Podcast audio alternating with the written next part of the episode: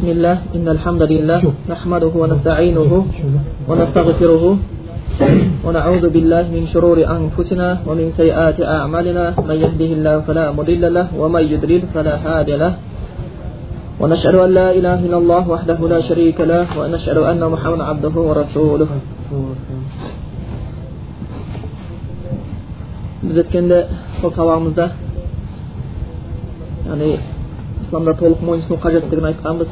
Кімде кім өзінің білімінің аясынан тысқары болған ақылынан тысқары болған нәрселерді білемін деп ұмтылатын болса керісінше көптеген күдіктерге ұшырайтыны және құранда келген пайғамбар сүннетте келген нәрсеге сеніп ә, соған толық мойынсыну керектігін айтып өттік онсыз оның исламы мықты болмайтыны сондықтан кімде кім өзінің ақылын құраннан сүннеттен жоғары қоятын болатын болса көбінесе ол адамда яғни күпірлік пен иманның шындық пен өтіріктің сондай бір көптеген күмәннің соңында жүріп қалатын ортасында жүріп қалатын адам болып қалатынын айтып өтіп кеттік. Сондықтан мұсылман баласы иман келтіргенде шынайы түрде анық нақты келтіруіне қатысты екенін айтып өтіп кеткенбіз енді бүгінгі сабағымыз миражға байланысты болады. Мираж деген сөз көбінесе кең тарап кеткен. Мираж деп те атап жатыр. Мираж деп келеді өзі. Араб тілінде. Сол пайғамбарымыздың көтерілуі. Бұл жаңағы несінде аража көтерілу яғни бір мираж дегенді былай айтқанда тіке аударсаң көтерілетін зат деген сияқты мағына беріп қалады бірақ бұл жерден біздің түсінетініміз пайғамбарымыздың сол көкке көтерілуіне байланысты сол тақырыпты өтеміз ол жайында имам тахави айтады аллахтың рахметіне бөлесін وقد أسري بالنبي صلى الله عليه وسلم وعرج بشخصه في اليقظة إلى السماء ثم إلى حيث شاء الله من العلا وأكرمه الله بما شاء وأوحى إليه ما أوحى ما كذب الفؤاد ما رأى فصلى الله عليه وسلم في الآخرة والأولى мираж хақ дейді яғни оның рас дейді бұл жайында көптеген таластар бола қойған жоқ мираж жайында оны жоққа шығарушылар өте аз болған негізінде бұл мираж рас пайғамбарымыздың көтерілгені өзі құран аятында бірінші миражға көтерілген кезде пайғамбарымыз мәшит харамнан қай жерге мешит ақсаға барған иә әуелінде пайғамбарымыз бұл бір түнде болған оқиға бұл негізі кейбір ғалымдар айтады құраннан кейінгі үлкен мұғжизалардың бірі деп келеді құран пайғамбардың үлкен мұғжизасы сол құраннан кейінгі мұғжизалар үлкен бір мұғжизаның бірі деп келеді бірақ бұны жоққа шығарса жоқ жоқ бірақ оның қалай болғанына байланысты талас туған кездер болған сондықтан бұл жерде қаза деп деп келіп жатыр яғни ол кісі яғни денесімен де рухымен де көтерілген деп түсіндіріп жатыр рухымен де тәнімен де көтерілген. Себебі осы жерге келген кезде кейбір ағымдарда пайғамбарымыз саллаллаху алейhi миражға денесімен көтерілген жоқ тек рухы көтерілді дегендер болған. Және біреулер ол кісі тек түсінде көрген дегендер де болды фильманам деп қояды бұл нәрсе болды дейді. Сондықтан бұл филия қаза деп жатыр яғни ояу кезінде болды ұйқыда емес шын ояу сергек кезде болған нәрсе оқиға және денесімен де рухымен де болған оқиға тек рухы көтерілген жоқ аспанға әлемге көтерілген деп келеді кейін аллахтың қалаған әрбір биіктігіне көтерілді алла өзінің құрметтеген нәрсесімен оны құрметті оған барша уахи етілген нәрселерді уахи еткен нәрсені уахи етті яғни пайғамбарымыздың көрген нәрсесін жүрегі жоққа шығармады. Жалғандыққа алла тағаланың игілігі мен сәлемі болсын. Ақиретте де бұл дүниеде де деп сөзін аяқтаған екен ол кісі. Сондықтан пайғамбарымызды рухымен көтерілді дегендер болған түсінде көтерілді деген. Егер түсінде көтерілді дейтін болса онда бұл мұжиза болмай қалатын. Еді мұжизаға кірмес еді пайғамбарымыз ояу кезінде көтерілген міне бір түнде болған оқиға. Яғни пайғамбарымыз сол бір түннің ішінде ақса мешітіне барып үлгерді. Сол бір түннің ішінде пайғамбарымыз аспанға көтерілді. Сол бір түннің ішінде сол көтерілгеннен кейін жәннатты да тозақты да көруді бұйырды аллах тағала ол кісіге сол кезде ол кісі пайғамбарларды көрді бірнеше соған байланысты көптеген жаңағы сахих хадистер дәлелдер бар сондықтан бұл миғраж жоққа шығарылмайды және біз айтамыз миғраж болды пайғамбарымыз миғражға көтерілді ояу халде және денесімен де рухымен де көтерілді жеке емес жаңағы деп келетін не бар иә құран аятында исра сүресінде келеді бұл бірінші аятында яғни сондай өзінің құлын түнде мешіт харамнан мешіт ақшаға алған алып барған аллах тағала пәк кемшіліктен пәк деп келетін аят бар яғни өзінің құлын деп келеді да оның рухын деп келмейді оның басқасын деп келмейді алып барды аллах тағала құлын құл деген сөз егер алатын болсақ ол рухты да денені де қамтитын нәрсеге қолданылады адамға келген кезде дене рухты қамтыған нәрсе айтылады сондықтан пайғамбарымыз денесімен де рухымен де миражға көтерілгені хақ ал жаңағы ол ұйқыда болды деген нәрсені айтатындар болатын болса бұл шындыққа жанаспайды айтып кеттік егер ұйқыда болатын болса ол мұғжиза болмас еді пайғамбар бұл мұғжизаның қатарына кіреді мираж мұғжизаның қатарына кіреді осы кезде ойлаңыздар аз ғана бір түннің ішінде пайғамбарымыз исраға барып келіп жатыр бір түннің ішінде пайғамбарымызға алла тағала жәннатты дозақты көрсетіп жатыр бір түннің ішінде қанша деген пайғамбарлар жолығып бұл түсінде дейтін болса онда ол мираж жаңағы мұғжиза болмас еді себебі мүмкін енді ешкім жәннатқа барып келмес бірақ түсінде адамдар меккеге барып келе береді ондай жағдайлар болады иә түсінде меккеде жүресің сен жан жан үшін жүресің тауап істеп жүретін кездер болады ондай жағдайлар бола береді онда мұжиза болып есептелмес еді сондықтан пайғамбарымыз бұл түсінде болған жоқ бұл өнінде болған нәрсе. Сондықтан бұл пайғамбарымызға құрмет және бір несі бірінші бірден аллах тағала оны миражға көтерместен яғни жаңағы өз тарапына аспан әлеміне көтерместен жоғарыға көтерместен бұрын бірінші масжид ақсаға алып баруының да хикметтің өзі дейді бір ғалымдар айтады аллаху алам ол хикметі яғни соның мираждың шындығы дәлел болу үшін себебі көкке көтерілу оны аллахпен барып сөйлесуі аллахқа жақын бол, болуы ол жәннат тозақ көруі елдің ақылына сыймауы мүмкін еді. Расында құрайыштың мүшриктері бірден оны мойындаған жоқ. Мүмкін емес деді. Сол жаңағы мәшіл ақсаға барған айтты алдын ала. Сонда сол дәлел болды дейді. Сол кезде егер барған болсаң онда айтшы сипаттап берші машил ақса қандай деп айтты. Десе пайғамбар барған емес. Сипаттап берді дәл айтылғандай болды. Олар ештеңе дей алмады. Және жолда керуенді көргенін айтып берді. Соның бәрі дәл шықты. Сондықтан дейді біріншіден дейді кейбір ғалымдар бұдағы бір хикмет даналық пайғамбарымызды аллах тағала бірден яғни көкке көтерместен бірінші мәсжид ақсаға алып барып одан кейін көкке көтеруіндегі мысал ол сол мираждың дәлелін ақиқат болу үшін себебі ә, жаңағы адам ақылы бұл нәрселерді түсіне бермейді мүшриктер бірінен бірден соны шығады бұл жерде шынымен дәлелдер бар егер мүшриктерге пайғамбар мен түсімде бардым десе олар қарсы шықпас еді ол кісі өлімде деген екен қарсы шығып жатыр қазір біреу түсінде мешітке барып харамға барып келсе ешкім қарсы шықпаймыз ғой егер әлбетте егер сондықтан бұл да екінші бір дәлел пайғамбардың түсінде болмағаны өнінде болған нәрсе екені. Одан кейін сол миражға көтерілгеннен кейін хадистерде келген сияқты алейкум салам рахматулла баракатуху хадисте келген келген сияқты пайғамбарымыз саллаллаху алейhi жаңағы бұрақ дейтін ат келеді. Сол бір атқа ұқсаған жануар ат деп атай алмаймыз оны.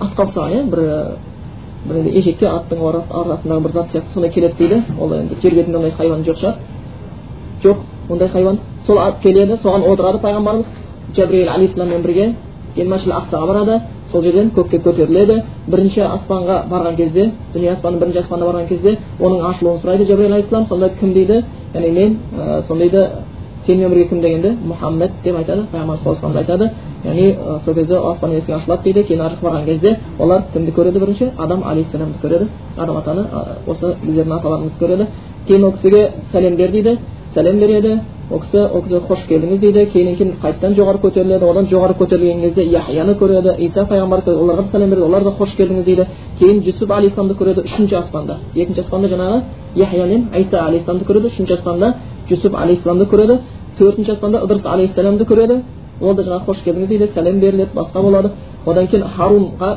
жолығады харун білеміз иә кім еді мұсаның қасында мұсаның қасында жүрген ол да пайғамбарлық келген харуна ахи деп келеді ғой мұса алейхисаламға пайғамбарлық берген кезде ол өзінің бауыры харунға да бірге сонымен бірге біздің ісімізді бекемдей гөр сені көп біз жаңағы пәктеуіміз үшін деп айтады ғой харун ахи деп сонымен бауырымыз харун деп сондықтан екеуіне бірге пайғамбарлық берілген екеуі бірге пайғамбар болған сондықтан сол харун алейхисаламды көреді одан кейін алтыншы аспанда мұса алейхисаламды көреді жетінші аспанда ибраһим алейхисаламды көреді одан кейін осы ибраһим алейхисаламды мұса алейхисаламды көрген кезде мұса алейхисалам не деп келетін еді хадисте егер оқыған болсаңыздар пайғамбарымыз қасында болады сәлем береді ол қош келдіңіз дейді кейін пайғамбарымыз кете бастаған кезде мұса алейхисалам жылайды жылайды сонда не нәрсе оны жылады деп сұралған кезде айтады менен кейін келген бұл пайғамбардың дейді үмбетінен жәннатқа кірушілер көп болады дейді да менің үмбетіме қарағанда дейді иншалла аллах тағала солай қылсын кейін ибраһим алейхисаламға сәлем береді ол да қош келдің дейді одан кейін барып ибраһим алейхисаламнан кейін сидратул мунтаха деген жерге көтеріледі сидратун деген кей кезде ағаш деп аударылады үлкен бір ағаш деп келеді сол жерге алып шектеледі бір неде яғни сол жерге жерден көтерілген нәрсенің бәрі ары қарай өтпейтін жер дейді да сол шек дейді бүкіл сол жер бір шектелінген тұрақты жер сол жерге көтеріледі одан ары қарай жерден келген нәрсе еш нәрсе ары қарай өте алмайды дейді аллахтан кейін әмірлер де сол жерге түседі дейді одан кейін беріге қарай аллахтың әмірімен түсіп жататын шығар бірақ жерден ары қарай ешнәрсе көтерілмейді дейді адамзаттардың бүкіл білімі де сол жерден барып тіреледі ары қарай бір ғана аллах тағала біледі сонда сол сидратул мунтахаға барады кейіннен кейін сидрат мунтахадан кейін барып пайғамбарымыз аллах тағалаға жақындайды аллахқа жақындайды сол жерде аллах тағаламен тілдеседі кейін ол жерде ғибадаттардың ішіндегі абзал бір ғибадат намаз парыз етіледі біз үмбетімізге сондықтан ғибадаттардың ішіндегі ерекше бір ғибадат деп аталынады бұл себебі бүкіл ғибадаттар қажылық зекет ораза бұның бәрі жерде парыз болған бірақ намаз көкте парыз болған намаз көкте парыз болған сол үшін намазға мұсылман барынша көңіл бұру керек. Намаз жайында өте көптеген аяттар бар.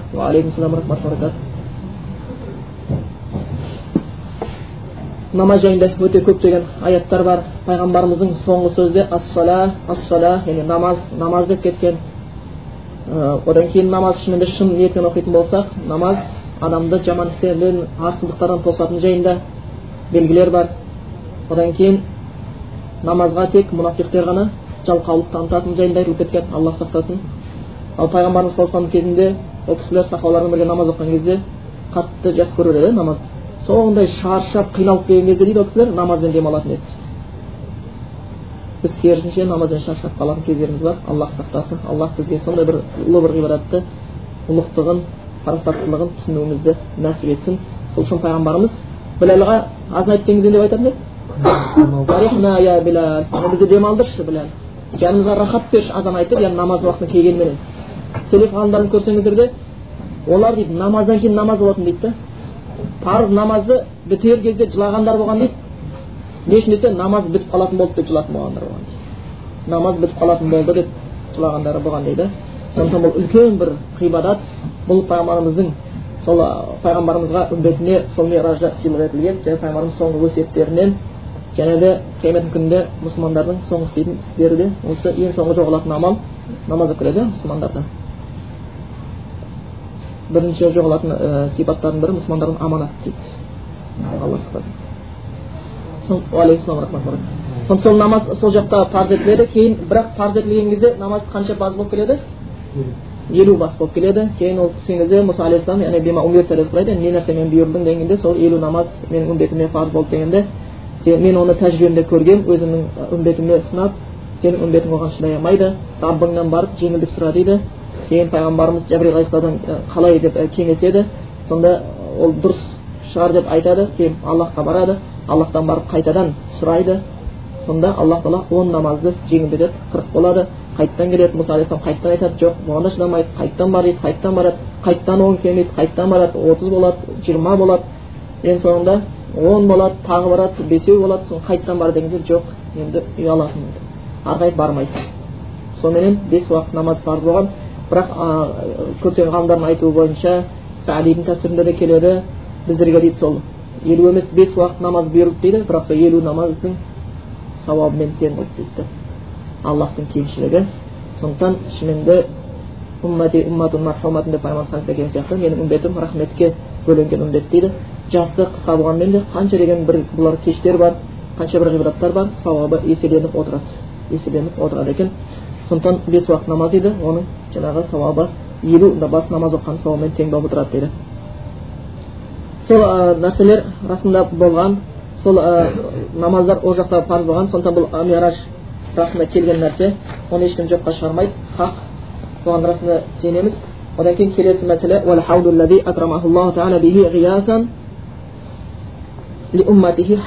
яғни аллах тағаланың пайғамбарымызды хауызбенен хауызды қазақ тілінде көбінесе кәусар деп аударып жүр иә кәусар ә, негізі жәннаттағы бір өзен деп аталады орысшада да бассейн деп аударыпты сол жақындатқан болса керек негізі хауыз деген өзі аудармасы бір үлкен су жиналатын орын айтады. Енді ол өте үлкен болады. Сондықтан жәннаттағы бір өзен деп келеді. Жаңағы сол кәусар деген атпен де келген. Атаулары да болған. Қазақ тіліне сол күйінде аударылып жатыр екен. Яғни пайғамбар үмбетіне бір жәрдем ретінде шөлін қандырушы ретінде болады дейді. Ол жайында да бірнеше ғалымдар пікірталастар болған. Ол кейбіреулері қыл көпірдің алдында болады деген сұрат көпірінің бірі сұрат көпірінен кейін болады деген. Аллах әлем себебі жаңағы сондай қатты қабірден шөлдеп тұрған кезде содан шөлдерін қандырады дейді бірақ ол жайында пайғамбарымыз хадисі бар және біз әдеп сабағында естеріңізде бар шығар құранды оқи кезде бисмиллахты айтуға байланысты дегенде пайғамбарымыз хадис келеді пайғамбарымыз жеңіл бір ұйқымен дем алып жатқан еді бір уақытта басын көтеріп алды да кейін күлді дейді сонда сұрағанымызда күле сөйлегенде маған анифан суратын қояды яғни суратун маған қазір бір сүре түсті дейді сөйтті да оқи бастады дейді бисмиллахи рахмани рахим инна аутайнакал каусар фасолли раббика ванхар инна шаниака хуал яғни сүре түскен айтады дейді расында біз саған кәусарды бердік кәусар араб тілінің сөзінде мына көп деген сөзден шыққан кәсир яғни көп сондықтан бір тәпсірлерді қарасаңыздар көп деген жақсылықты бердік деп аударып жатады де жәннаттағы өзенді бердік деп аударып жатады бірақ сол хадистің соны айтады кәусар не жайында білесіңдер ма дегенде олар білмейді сонда пайғамбар айтады кәусар дегеніміз жәннаттағы бір өзен деп сол жаңағы хадистің жалғасына пайғамбарымыз өзі түсіндірген ол сол кәусар берілді дейді алла тағаланың бір рахметі ретінде бұл оқиға не жайында болған еді пайғамбарымыздың ибраһим деген ұлы қайтыс болған кезде мүшриктер тіл тигізген еді абу бар уайл ибн ас бар ас ибн уайл сол бар айтады яғни пайғамбарымыз әптар болды әптар деген араб тілінде батира деп мысалы айтатын болсақ шолақ кесілген ақыры жоқ деген мағына береді. Мысалға жануарға айтылатын болса бір мына жануар әптар екен дейтін болса оның құйрығы жоқ деген сөз да жыланға жыланның ішінде жыландар бар иә. Бір жыландарды әптар деп атайды арабтар. Ол құйрығы жоқ жыландарды әптар деп атайды. Егер адамға айтылатын болатын болса көбінесе арабтарда мынау ұл баласы өліп басқа балалар қалмаса оны кесілген деп атайды. Неге? Ары ұрпағы жалғаспады деген сияқты. Иә артында ұрпағы жоқ деген сияқты. Сөйтіп пайғамбарымыз өлген кезде пайғамбар өзі сол жаңағы қиналып жүрген кезінде осы сөзді айтып пайғамбарымызды ренжіткен олар. Кейін пайғамбарымыз жатқан кезінде алла оны көңіліне жұбаныш ретінде осы сүрені түсірді. Біз саған көптеген жақсылық бердік деп келді. Раббың үшін намаз оқы және құрбандық шал. Деп айтылды. Сондықтан осыдан көріп тұрғанымыз адамға бір жақсылық келсе намаз оқыған жақсы құдайға алла жолында құрбан сияқты жақсылықтар істеген жақсы. Сондықтан аллах тағала бізге қандай бір жақсылық беретін болса біз әрқашанда намазымызды одан сайын күшейте беруімізге жақсылығымызды одан сайын арттыруымыз керек. Құдайдың берген нығметі біздің керісінше ғибадатымыздың төмендеуіне себепкер болып кетпеу керек. Ондай да кездеседі екен. Аллах сақтасын. Бір кісіні білетін жаңадан дінге келіп жүрген дәулетті болған соны айтқан. Намаз оқып жүрді басқасын істеп жүр құран жайлап үйреніп жүрді медресеге барып берін бірақ ә, бір сөзінде айтты шіркін егер менде өте көп дүние болса еді деді. Онда алла жолында мешіттер мен медреселер соғар едім деді ананы істер едім мынаны істер едім деп сол жерде көп уәде бере бастады. Сөйтіп айта бастады негізі адам баласы халіне шүкірлік ету керек дейді. Қай кезде болса да шүкірлік ету керек дейді. Аллах тағала не берсе де шүкірлік сондықтан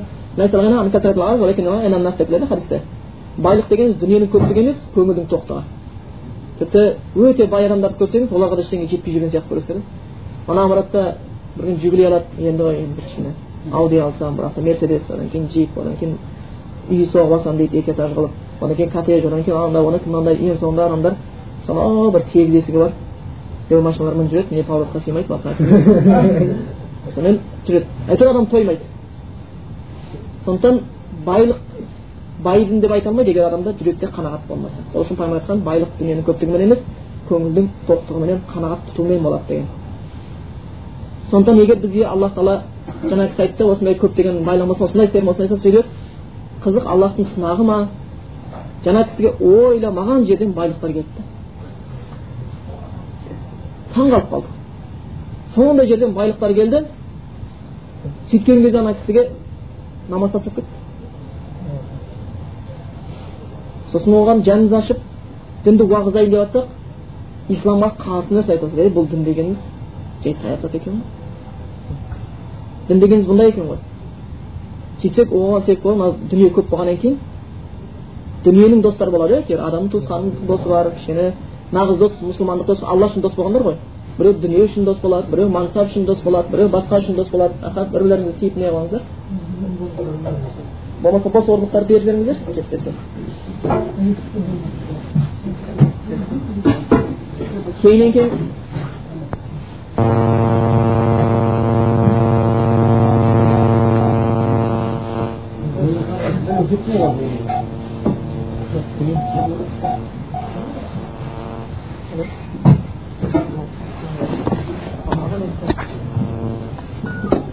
содан аллах ойламаған жерден сондай нәрселер берді ол кісіге кейін сол иман әлсіреді сөйтсек мына достар діни достар болады мансап достар болады дүние достар болады. Достар бөлінеді.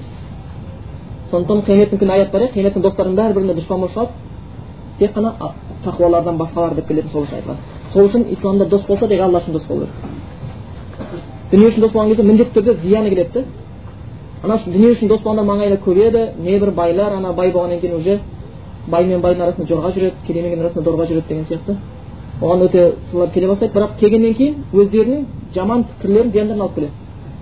Олар келіп оған айтып ей сен мынау қалай намаз деген сияқты? Бұл не?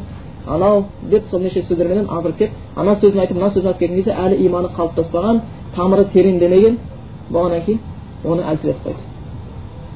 Сөйтіп жаңағы кісінің үйінде отыру қиын болып қалды. Барсақ бір күні құдай туралы анекдот айтады. Барсақ бір күні пайғамбарды күлкі етеді. Бір күні жоқ қылады бір күні құран деген саясат екен бұл да бір конституцияның бір түрі екен ол кісі ақылды кісі болған расында мойындаймыз бірақ сол адамдарды тәртіпке келтірейін деп ойлап тапқан екен ол былай екен былай екен дейді неше түрлі нәрсе болды ең соңында сондай ой келді адам шаршаған кезде енді бұдан кейін дағуат қылмай ақ тастап кете берсе болатын шығар сол кісіні деген сияқты лайықты болып тұрды екен деп бірақ ойламаған жерден құдай тағала бүкіл дүниені қайтадан алып қойды бұрынғыдан жағдай қиын болып кетті сосын қиналып жатқан екен қайтадан барды сол кезде бұл қиналғаннан құдайға сүйіне бастаған кез екен да. Сөйтіп қайтадан діні күшейіп иманы нығайып білімі артып келе жатыр. Сонда қарасақ аллах шүкірлік ету керек бүкіл халге. Бүкіл халіне шүкірлік ету керек. Ең үлкен байлық иман екенін естен шығармау керек. Ең үлкен байлық иман екенін естен шығармау керек.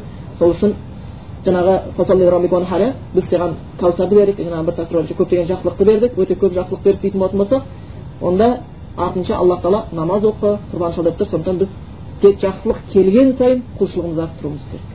Жақсылық келген сайын білімге құлшылығымыз керек. Жақсылық келген сайын біз жаңағы шүкірлігіміз де садақамыз да қайырымыз да көбейе беру керек. Ол керісінше болмау керек екен. Одан кейін аллах тағала үшінші аятында не деді? Яғни саған жек көруші саған қарсы өзі әбтар өзі жақсылықтан құр қалушы өзінің ұрпағы кесілген. Өзі бүкіл ізгіліктен махрұм болатын адам деген сияқты мағынада аят түсті. Сондықтан осы аяттың үкімі көптеген ғалымдар айтады сақтала береді дейді. Кім пайғамбарды жек көретін болса пайғамбарымыздың сүннетін жек көретін болатын болса пайғамбардың әкелген дінін жек көретін болса кісінің өзін жек көретін болатын болса болады. Бүкіл жақсылықтан құр қалады қор болады. Тіпті оның кейбір сипаттарын бұл дүниеде де мысалдан көріп білсе болады. Ол нәрселерді пайғамбарға қатты тиген адамдар тілі тиген адамдардың аллах тағала кешіктіріп қияметте қатты азапқа берейін демеген болатын болса бұл дүниеде жылдам азаптар келе бастағанын көресіздер. Сондықтан сол күйінде келген сол бұл жерде біз жаңағы кәусарға байланысты айтайын дегеніміз сол кәусар берілді дейді ол сондай бір өзен деп келеді. Оған байланысты пайғамбарымызда көптеген хадистер бар. Бұл шарқында айтылған екен және пайғамбарымыздан көптеген сондай бір дәлел болатын хадистер бар. Ол хауыздың жаңағы кәусардың барлығына хадистер дейді мутаватир яғни көп адамдардан келген хадистер дейді. Соны хадистер жинаған кезде белгілі болған хаузун азим ол үлкен бір жаңағы үлкен бір жаңағы өзен дейді жәннаттағы. Ол жәннаттың бір сусындарынан оның суы сүттен ақ асал балдан тәтті иісі жұпары мисктен де жұпарлы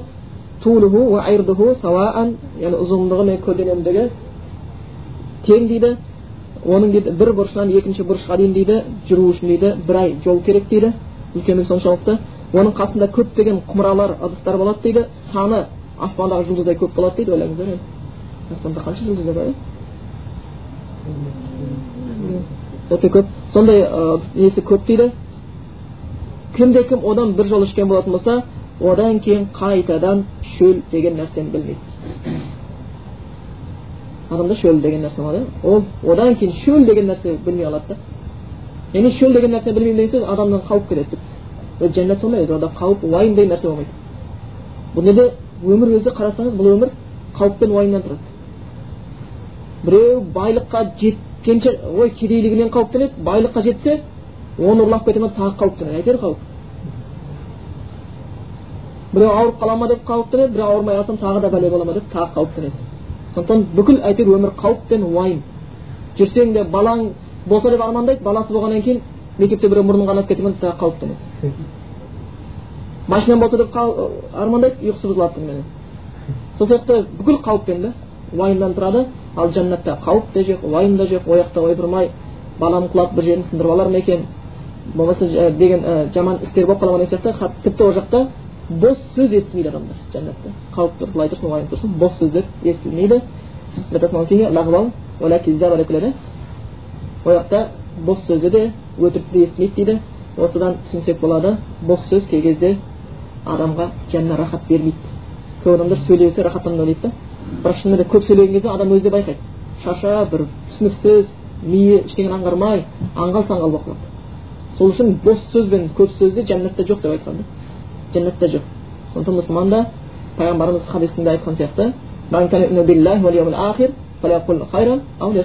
кім аллахқа ақырет күніне сенсе жақсы сөз сөйлесін болмаса тыныш тұрсын үндемесін дейді. Сондықтан сондай бір еш уақытта қайтадан шөлдемейді деген екен дейді. Бұл қиямет күндегі болатын нәрсе оған көптеген хадистер бар. Бұл аллах тағаланың пайғамбарымызға деген үлкен бір құрметтерінің бірі басқа пайғамбарлардан да артықша еткен бір фазилеттерінің бірі деп келеді. Аллах тағала иншалла баршамызды сол бір хауыздың басында сусындауымызды нәсіп еткен болсын. Пайғамбарымыз сахабалар ішінде ансарлардан кейбірін айтқан иә мен сен сендермен хауыздың басында жолығасыңдар маған деп уәде қылғандары да болған сондай күйінде сондықтан үлкен бір ұлси үлкен бір құрмет сондықтан иншалла аллах тағала соған лайықты етсін біздің ісімізді де өзімізді де иманымызды иншалла келесі тақырыбымыз والشفاعة التي ادخرها ادخرها لهم حق كما روى الأخبار روي في الأخبار яғни шафағат та ол хақ нәрсе дейді яғни хабарларда келген сияқты дейді яғни үмбет үшін сақталынған шапағат хақ. Яғни бұл кездегі шапағатты есімізде шығармай қай кездегі шапағат? Не жайында шапағат айтып жатыр. Пайғамбарымыздың қиямет күніндегі үмбеті үшін жасайтын шапағаты жайында айтып жатыр. Шапағат өзі мысалға жәрдемге жәрдем ету араға түсу деген сияқты көмектесу деген мағынада беріледі. Сондықтан қолдау деген мағынада береді. Сондықтан ол пайғамбарымызға қияметтің күнінде берілген үлкен бір фазилет үлкен бір артықшылық пайғамбарымыздың да бұл артықшылығының бірі болып табылады. Сондықтан кей кезде ә, анау бұл дүниеде өлгендерден шапағат сұрап жүреді ғой біреулер. Сонда бір кісіден сұраған едік. Пайғамбарымыз шапағаты қай кезде болса қиямет күнінде болады дейді сосын айттым пайғамбардың шапағаты қолдау қиямет күні болатын болса онда сен пайғамбардан дәрежесі төмен болған адамдардың шапағатын бұл неге күтіп жүрсің? Ешқандай жауап жоқ. Сондықтан бұл қияметтің күнінде болатын нәрсе ол шапағат жайында бірнеше түрге бөлінеді екен шапағат пайғамбарымыз өзі қиямет күніндегі шапағаты оны ғалымдар соны бөлген біріншісі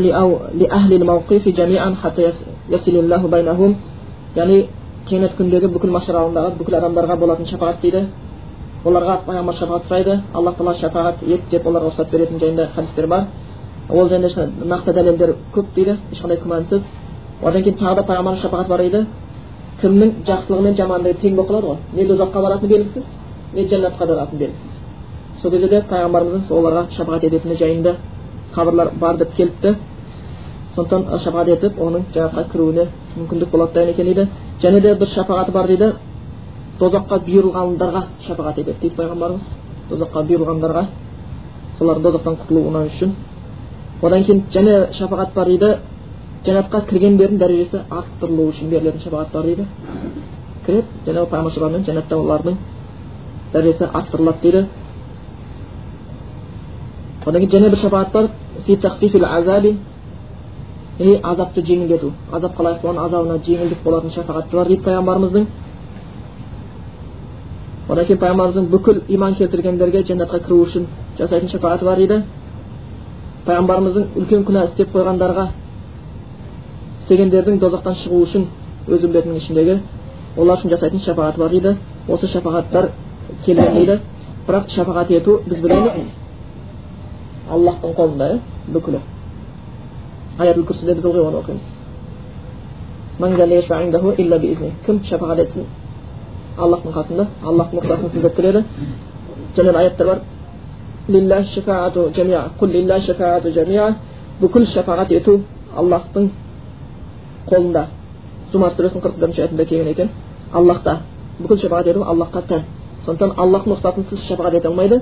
Сондықтан аллахтың рұқсатымен ғана болады және шапағат ету шапағатқа лайықты болған адамдарға болады.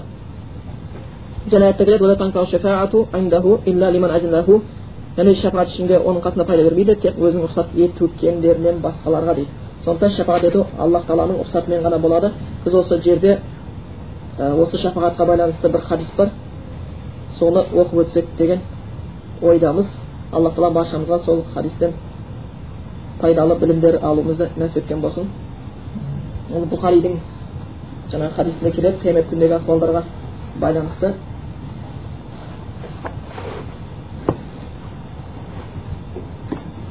Бұхаридің аудармасы жасалған кітапта ол хадис жақшаның ішінде жеті мың бес жүз жетінші хадис нөмірімен келген екен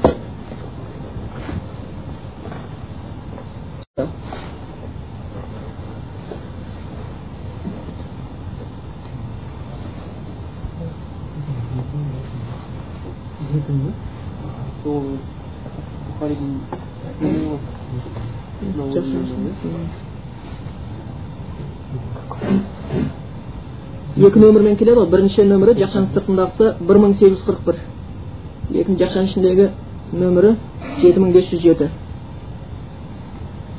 бисмиллах عن أبي هريرة رضي الله عنه قال سمعت النبي صلى الله عليه وسلم قال أبي هريرة الله одан разы болсын айтады естідім пайғамбарымыз саллаллаху алейхи вассаламның былай деп айтқанын дейді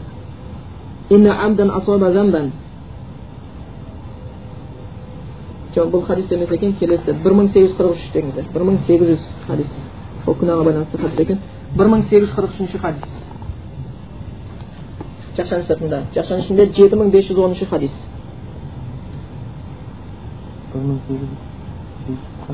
бір мың сегіз жүз қырық үш жақшаның сыртында жақшаның ішінде жеті мың бес жүз он бисмилля ан анас ибн малик радиаллаху анху анас ибн маликтен келіпті аллах ол кісіден разы болсын қала ол кісі айтады хаддасына мұхаммад саллаллаху алейхи уассалам пайғамбарымыз бір күні бізге алланың ол кісіге игілігі мен сәлемі болсын былай деп айтты дейді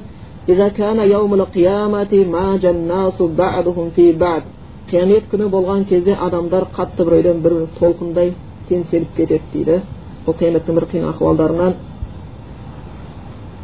шынымен де ол күні біреу тозаққа бару керек біреу жәннатқа бару керек сондықтан олар жәннатқа адамдар кірмейінше ешкім жүрегі тыныштап алмайды. Бәрі қорқынышта болады. Оның ішінде мұсылман болғандар да қорқынышта болады. Олар сондай теңселіп кетеді дейді. Олар адам алейхисаламға келіп айтады дейді. Бізге раббыңнан шапағат сұрап шапағат етші деп айтады дейді. Раббыңнан шапағат сұрашы біздер үшін деп одан тілейді дейді. Адам атағадан келіп дейді. Сонда адам айтады екен жоқ мен шапағат етуге ете алмаймын. Шапағат ету менің мүмкіндігімде жоқ оған еге емеспін деп айтады дейді. Бірақ сендер ибраһимге барыңдар ол аллахтың сүйікті досы ғой. Мейірімді аллахтың сүйікті досы ғой деп айтады деп ибраһимге жұмсайды дейді. Ибраһим алейхисаламға келіп ол сөз айтады дейді. Бізге раббыңнан шапағат етуді сұрашы дегенде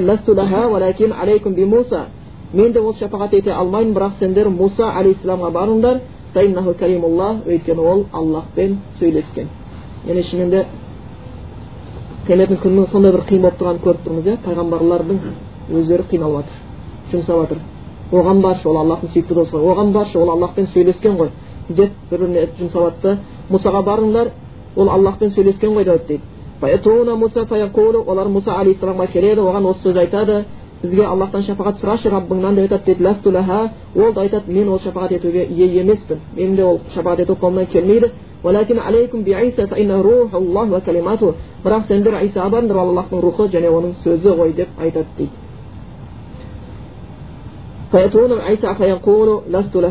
Иса алейхисаламға келіп одан да сол сұрауды сұрайды бізге раббыңнан шапағат етші деп. Ол да оны ие емеспін дейді бұлар не үшін? Тынбай жатыр қатты барып жатыр қиналып жатыр. Себебі қатты азаптан қорқуда. Сондықтан жолын іздеді. Кейін иса алейхисаламға келеді. Иса алейхисалам айтады мен де оған ие емеспін. Бірақ сендер мұхаммад саллаллаху алейхи вассаламға барыңдар дейді. Олар маған келеді дейді пайғамбарымыз дейді. Сол кезде адамдар маған келеді. Сол нәрсені сұрайды аналаха мен ол шапағаттың егесі боламын дейді аллахтың бұйрығымен раббымнан маған шапағат етуді сұраймын дейді. Яғни оларға шапағат етуімді сұраймын дейді. Раббымнан дейді. Аллах тағала рұқсат береді дейді.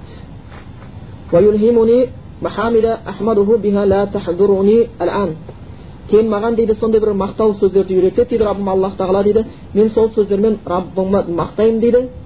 Бірақ ол сөздерді қазір білмеймін дейді бұл дегеніміз шынымен де аллахқа тағы мақтау сөздер бар оны біз білмейміз. Аллахтың және бір көркем есімдері бар біз оны білмейміз. Құран сүннеттен енді біз білмейтін есімдер бар деген сөз. Алла тағала сондай бір сөздерді үйретеді мен оны білмеймін дейді қазір. Мен сол құдайдың үйреткен мақтауларыменен алла раббыма мақтау айтамын. Кейін дейді раббыма сәждеге құлаймын дейді сәжде қыламын дейді. Маған айтылады дейді ей мұхаммед басыңды көтер және айт айтатыныңды сенің сөзің тыңдалады деп айтты дейді сұра саған беріледі деп айтты дейді шафағат ет сен шапағат ету саған беріледі деп айтады дейді фақулу сонда дейді пайғамбарымыз айтады екен я робби уммати уммати сондағы пайғамбардың айтқан сөзі аллахқа үмбетім менің үмбетім деген сөз болады екен аллах тағала расында шынайы үмбеттерінен болуымызды баршамызға нәсіп етсін шынында бекер айтпаған ей адамзат тоқта ойлан ақиқатқа назар сал бұл өмірге сенің қандай пайдаң бар айт сөзің ерткеннен келген бе үмбетім деп үмбетім деп шырылдаған пайғамбар деген сияқты бұл дүниенің өзінде де пайғамбарымыз қанша бір қиындықта қанша бір аштыққа төзіп не бір қорлық сөздерге төзді жылы төсектен безді олар дұрыс жолды біліп қиындыққа ұшырамасын екен деп және қияметтің күнінде сол үмбеті үшін араша түседі. Айт дегенде сондағы айтқан сөзі үмбетім менің үмбетім дейді ал үмбеттердің ахуалы осы.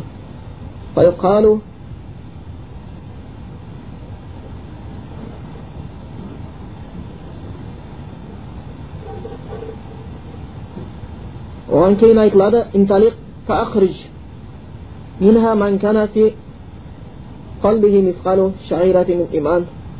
кейін оған айтылады дейді пайғамбарға бар шығар ол дозақтан кімнің жүрегінде сондай бір арпаның көлеміндей иманы бар болатындар болса соны шығар дейді барамын дейді сол айтқан аллахтың бұйырғанын істеймін дейді яғни жүрегінде сондай бір арпаның көлеміндей бір иманы бар болғандар болатын болса олар дозақтан шығарамын дейді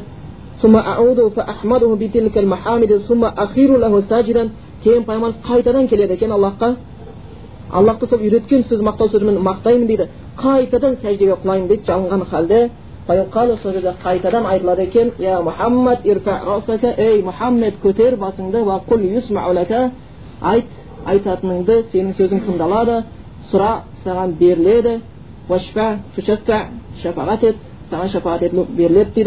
Fakulu sonda peygamberimizin يا aytatını يا رب، ey Rabbim mening ummati ummati degan so'z bo'lar ekan. Ey Rabbim mening ummetim ummetim ya'ni ummet uchun qaytadan shafaat so'raydi deydi. فيقال انطلق فأخرج منها من كان في قلبه مثقال ذرة أو خردلة من إيمان. Keyin aytilayotgan bar шығар ол дозақтан кімнің жүрегінде тозаңның салмағындай иман болса деп айтады дейді.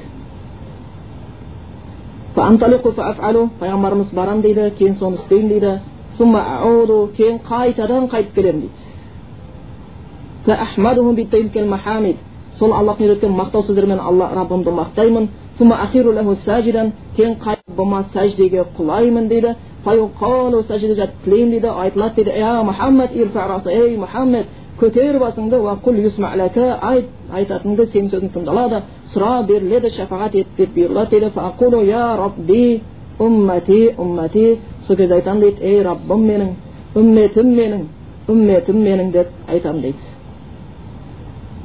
فيقول сонда аллах айтады екен انطلق فأخرج من كان في قلبه أدنى أدنى أدنى مثقال حبة خردل من إيمان فأخرجه من النار кейін дейді бар деп айтады дейді шығар ол дозақтан жүрегінде сонау бір жарманың да салмағынан жармадан да аз болған одан да аз одан да аз одан да аз деп келеді сөзбенен сондай бір иманы болғандарды шығар деп айтады дейді дозақтан минаннар кейін барамын және солай істеймін дейді وعنه في رواية قال және бір риwayatта келеді екен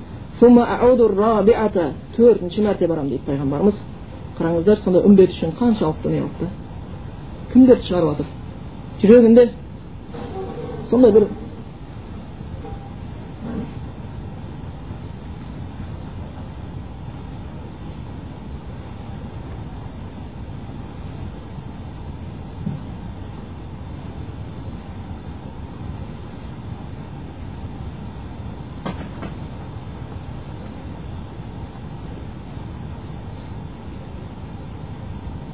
жүрегінде болмаса тарының салмағында иманы бар үмбеттер шаңның тозағында үмбеттер үшін шапағат сұрайды.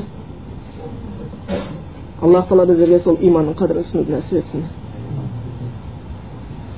Төртінші мәрте барамын дейді. Раббымды сондай маған үйреткен мақтау сөздермен мақтаймын. Және оған сәждеге құлап тілеймін аллахтан. Айтылады ей мұхаммед көтер басыңды айт айтатынды сенің сөзің тыңдалады сұра саған беріледі шапағат ет шапағат ету беріледі саған дейді сонда пайғамбарымыздың және айтқаны я рабби ей раббым менің рұқсат берші маған шафаат етуге ең болмаса айтқандар үшін ла илаха иллаллах сөзін айтқандар үшін рұқсат етші шафаат ет дейді сонда аллах айтады екен لأخرجن منها من قال لا إله إلا الله мен ұлықтығыменен құдіретіменен сол жоғары сипаттармен ант етейін мен ол сипаттарменен сен тозақтан дейді кім ла иляха илlallah сөз айтқан болатын болса оларды шығарамын деген екен дейді сондықтан негізгі исламның бұл хадистен көріп отырғанымыздай сол шапағат пайғамбардың рас бұл бұхарайда келген хадистерден пайғамбарымыз ертең қиямет күнінде ішінде сондай бір күнәға ұрынғандарды тозақтан құтылуын сұрайды. Сондықтан біздерге де үлкен бір міндет алла сол иманды бергеннен кейін сол иманның қарсысында салихалы істерді атқаруымыз. Және де ә, хадистің соңында көріп отырмыз. Мен сонда пайғамбарымыз төртінші мәрте сұрайын дейді. Аллахтың маған үйреткен мақтау сөздерімен мақтаймын сәждеге түсіп аллахтан сұрайын дейді. Ең болмаса жүрегін бір рет ең болмаса ля иляха деп айтқандарды шығаруға шапағат етуіме рұқсат етші деп айтамын дейді. Аллах тағала өзінің ұлықтығымен еді оларды ля иляха илlallah айтқандарды шығаруына. Сондықтан негізі исламның қағидасы исламның несі негізі ля иляха илlallah сөзінің үстіне құрылған оның мағынасын білудің үстіне құрылған. Сондықтан кімде кім ля иляха илlallah яғни аллахтан өзге ғибадатқа лайықты ешбір тәңір жоқ деген сөзді шынайы түсінбесе оның намазы оның оразасы оның білімі оның даналығы оның берген садақасы оның сан мәрте жасаған қажылығы түкке татықсыз ең төңірегі болсын қаншалықты жерлер бар сол жерлерде намаз оқып жүрген намаз оқып жүрмін ау деген мұсылмандардың өздері лә иляха сөзінің мағынасын білмейді оған амал да жасамайды сонымен қатар олар намаз оқыған халде сонымен қатар ораза ұстаған халде құранда аят бар көп адамдар иман келтірмейді да тек қана ширк мүшрик халінде ғана иман келтіреді дейді құдайына серік қосқан халде иман келтіреді дейді сондықтан мына ә, жаңағы шапағатқа байланысты негізгі сабағымызда бұл хадистің соңында ә, келтіргендей ең болмаса кім ля иляха деп айтқан болатын болса яғни соны түсінген болатын болатын болса оны да шапағатқа лайықты болатыны ол жайында да хадистер бар яғни тозақтан ең соңында шығарылады деп келетін бір хадистер бар сондықтан аллах тағала біздерді сол ля иляха илlallah сөзінің мағынасын түсінуімізді және соны түсіндіру үшін асыққандардан соны үйрету үшін дағуат қылу үшін жеткізу үшін асыққандардан етсін бір бірімізді ақиқатқа өсиет етушілерден насихаттаушылардан бір бірімізді сабырлыққа насихатшылардан болуымызды нәсіп болсын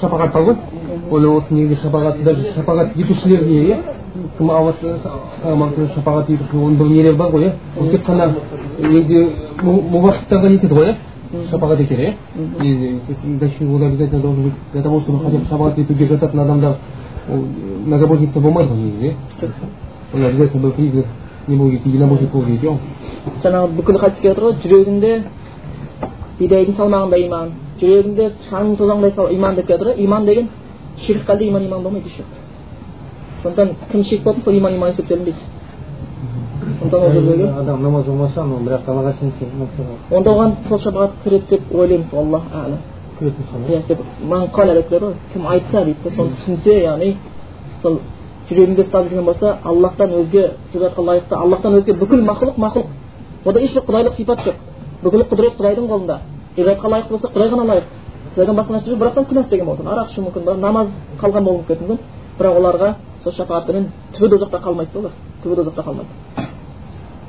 Бірақ біреу қырғын намаз оқып жүр қырғын ораза ұстап жүр бірақтан құдайға серік қосады оған біз шапағат нәсіп болмайды ол адамдарға себебі оларда иман бар есептелмейді қай жерде ширк болатын болса сондықтан ширк күнә істегендерге мүшриктерге құран аятында не деп келеді алла тағала айт ей кәпірлер деп айт дейді ей кәпірлер деп айт дейді мүшриктерді ей кәпірлер деп сипаттап келді ал кәпір иманның кәпір деген сөз иманның антонимі қарама қарсы қарама қарсы сөз иншалла кешіріңіздер сәл мен бір жерге баруым керек еді соны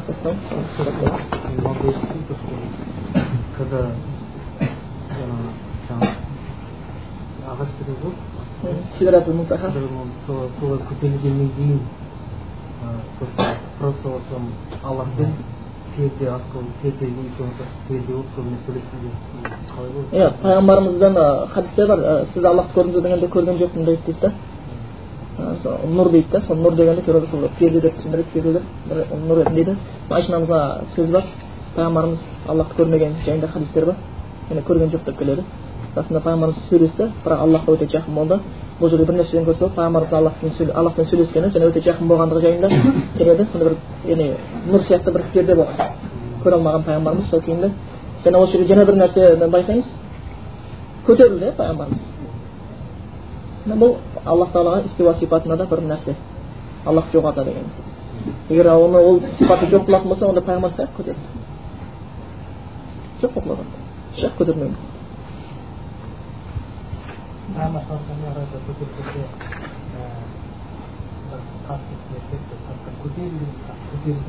тоқса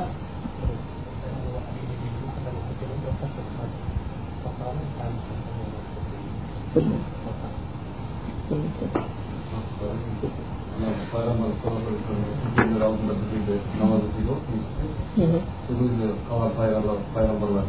ма иә сондай пайғамбарлар болды қанша пайғамбарлар болған деп келеді пайғамбар соларға иман еткен сол олардың рухтары ма или денелері ме оны білмеймін оны рух деген олардың рухтары деп келмейді пайғамбарлар деп келеді да соған қарағанда рух деп айта алмаймыз пайғамбарлар келді пайғамбарларға иман болып бұл пайғамбарлар ғой кездесетін сосын бұл миғраж оқиғасы және есіңізде болсын бұл ғайыптардың қатарына кіреді ғайып ілімдердің қатарына кіреді ал ғайып ілімдерінде көп жайында біз неде айтамыз міне кайфият деп қояды былай айтқанда болмысы қандай болғанын толық суреттей алмаймыз деп айтамыз да яғни бізге қалай хабарлар жетеді тура солай сенуге тырысамыз бірақ дәл осындай осындай деп сипаттай алмаймыз сондықтан бұл да жаңағы ғайып әмірлердің ішіне кіреді Thank you.